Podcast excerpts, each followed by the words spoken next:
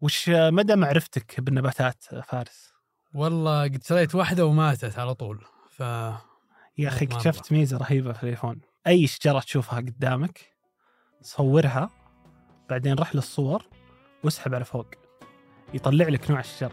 واو واو. لو أصور شجرة الزيتون أتوقع يطلع شيء؟ أتوقع يطلع لك إنها ماتت. قاعد تحاول. مرة. هذا بودكاست الفجر من ثمانية. بودكاست فجر كل يوم نسرد لكم فيه سياق الأخبار اللي تهمكم. معكم أنا إبراهيم القرعاوي. وأنا فارس الفرسان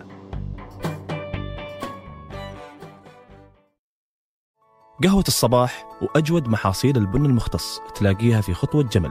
اعرف أقرب فرع لك من الرابط في وصف الحلقة.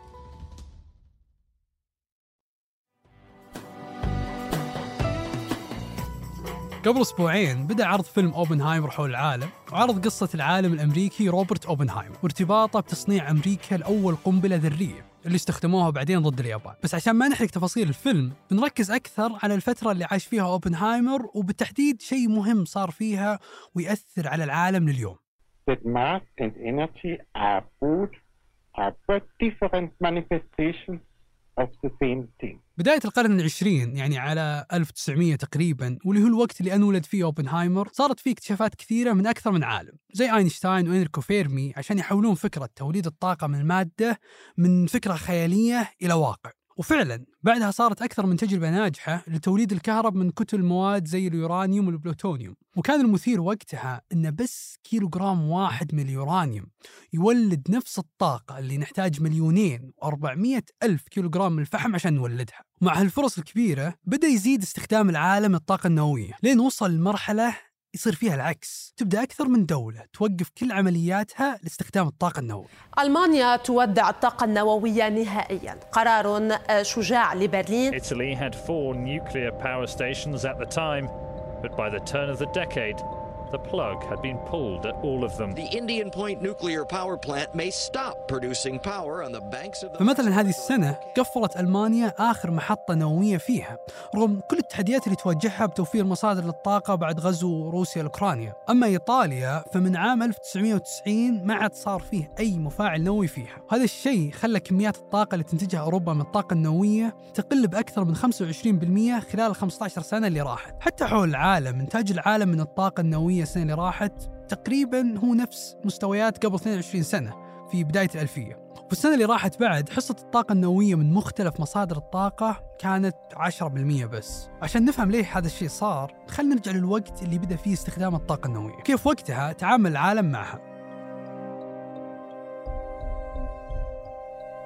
في 1942 وتحت ملعب جامعة شيكاغو. قدر إنريكو فيرمي ولأول مرة في التاريخ يسوي التفاعل النووي المتسلسل واللي بعدها بتسع سنين استخدم مفاعل بولاية آيداهو عشان يولد ولأول مرة كهرب من التفاعلات النووية. وبالعقد اللي بعده الخمسينات بدأت تتبنى أمريكا والاتحاد السوفيتي مفاعلات مخصصة لاستغلال الطاقة النووية. ومن وقتها وخلال الستينات والسبعينات كملت تزيد المحطات النووية حول العالم وكان هذا الشيء الأكثر من ميزة في الطاقة النووية زي مثلا كفاءتها وجدواها الاقتصادية اللي خلتها في وقتها. ثاني أرخص مصدر للطاقة بعد الطاقة الكهرومائية اللي تجي من السدود والأنهار وغيرها بالذات مع ارتفاع أسعار النفط بداية السبعينات المستويات عالية واستثنائية وغير هالشيء مثل الطاقة الأحفورية إنتاجها مضمون وما يتأثر بالمناخ والطقس زي مصادر الطاقة النظيفة وبنفس الوقت تقريبا ما تصدر أي انبعاثات تضر البيئة زي الطاقة The الأحفورية idea of firm clean power is that you're able to generate carbon free electricity when you want it rather than relying on when the sun shines or the wind blows.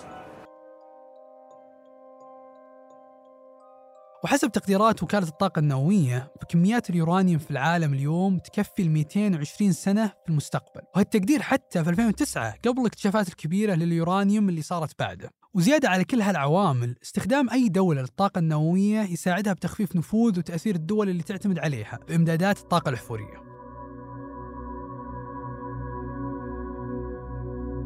وبسبب كل هالميزات زادوا بشكل سريع عدد محطات الطاقة النووية في العالم. وبالذات خلال 16 سنة من بداية السبعينات يوم كان في 84 محطة بس لحوالي 390 محطة في 1986 ومن هالتاريخ 1986 وقف تقريبا النمو لدرجة أن اليوم عدد المحطات في حدود 440 بس بسبب تغير مهم صار بهذيك السنة. Has been a nuclear accident in the Soviet Union, and the Soviets have admitted that it happened. The Soviet version is this. الكارثة اللي صارت في تشيرنوبل واللي إلى اليوم تأثر على مليون وثمانمية ألف أوكراني منهم فوق مية ألف يعانون من إعاقات بسبب اللي صار كانت أهم نقطة تحول باستخدام العالم للطاقة النووية فمن بعدها زادت مخاوف العالم من خطر المحطات النووية رغم كل احتياطات السلامة فيها وصارت من أهم أسباب ابتعاد دول كثير حول العالم زي ألمانيا وغيرها عن الطاقة النووية إلى اليوم وبالذات أن اللي صار في تشيرنوبل ما كان الكارثة الوحيدة من هالنوع A government official said that a breakdown in an atomic power plant in Pennsylvania today is probably the worst nuclear. فقبل تشيرنوبل بسبع سنين بالتحديد في 1979 صار انصهار جزئي لمفاعل نووي أمريكي في بنسلفانيا ورغم أن الأزمة كانت أصغر بكثير من تشيرنوبل وما صارت بسببها وفيات وتقريبا ما كان لها أي أثر على البيئة إلا أنها كانت أول تحذير من الخطر اللي ممكن تسويه محطات الطاقة النووية. وغير هالحادثتين مع الزلازل اللي صارت في اليابان في 2011 انفجر مفاعل فوكوشيما وصارت مع أحد أكبر وأهم التسربات الإشعاعية بالتاريخ. زيادة على هالتهديد إنتاج الطاقة النووية تقريبا ما يصدر أي انبعاثات كربونية لكنه يضر البيئة بأكثر من شكل ثاني. فبعد ما تنفصل ذرات اليورانيوم وتنتج الطاقة تنتج هالعملية عناصر ثانية مشعة صعب ومكلف حفظها بمكان آمن وما يضر بالبيئة. وحتى أن عمليات استكشاف اليورانيوم واستخراجه ثم معالجته تصدر كمية كبيرة من انبعاثات الكربون. وغير خطر التسربات الإشعاعية والضرر على البيئة من أهم أسباب ابتعاد دول كثير اليوم عن الطاقة النووية هو أنه البديل واللي هي الطاقة النظيفة تحسنت كفاءة إنتاجها خلال العقود اللي راحت وصارت مجدية اقتصاديا وأرخص بكثير بدون المخاطر الكبيرة أو الضرر على البيئة اللي تسويه الطاقة النووية. ولأن أغلب المنشآت النووية انبنت بأوروبا خلال الطفرة اللي صارت بالسبعينات. فهالشيء خلاها الوقت بعد 40 إلى 50 سنة هو الوقت اللي ينتهي فيه عمر هالمحطات ويصير قدامها الدول أحد ثلاث قرارات إما أنها تجدد وتصلح المحطات أو تبني محطات جديدة أو أنها توجه استثماراتها للطاقة النظيفة واللي تعتبر خيار أرخص وأكثر استدامة من أول خيارين. لكن بنفس الوقت أكثر من دولة آسيوية تسوي العكس تماما. اليوم في 55 مفاعل نووي قيد البناء 23 منهم تبنيهم الصين وهالأسبوع أعلنت عن بناء ست مفاعلات جديدة بتكلفة فوق 17 مليار دولار. وهالخطوة الجديدة تجي ضمن مشروعها الضخم اللي أعلنته قبل سنتين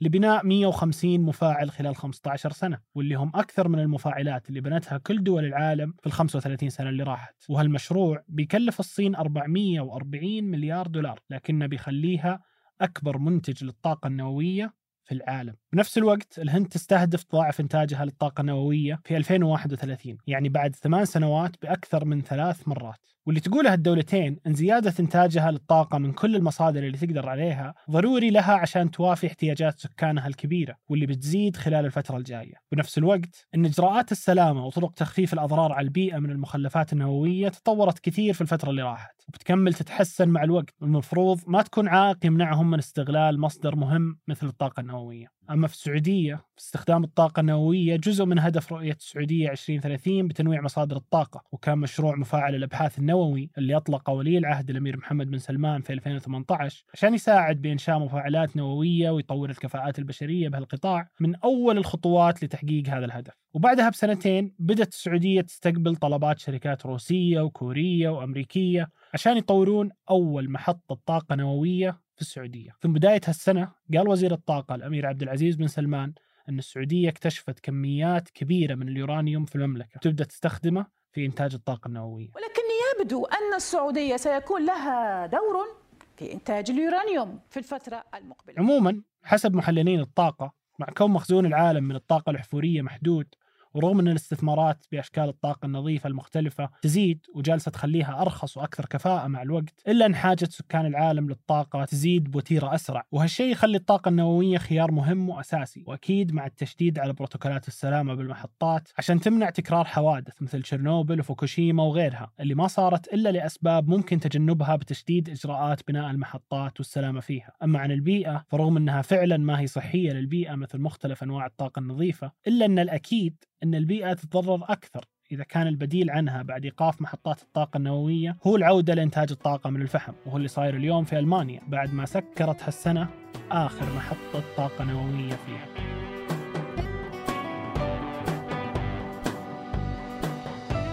أنتج وراجع هذه الحلقة عمر العمران وقدمتها أنا فارس الفرزان وأنا إبراهيم القرعاوي. وحررها أنس الخليل.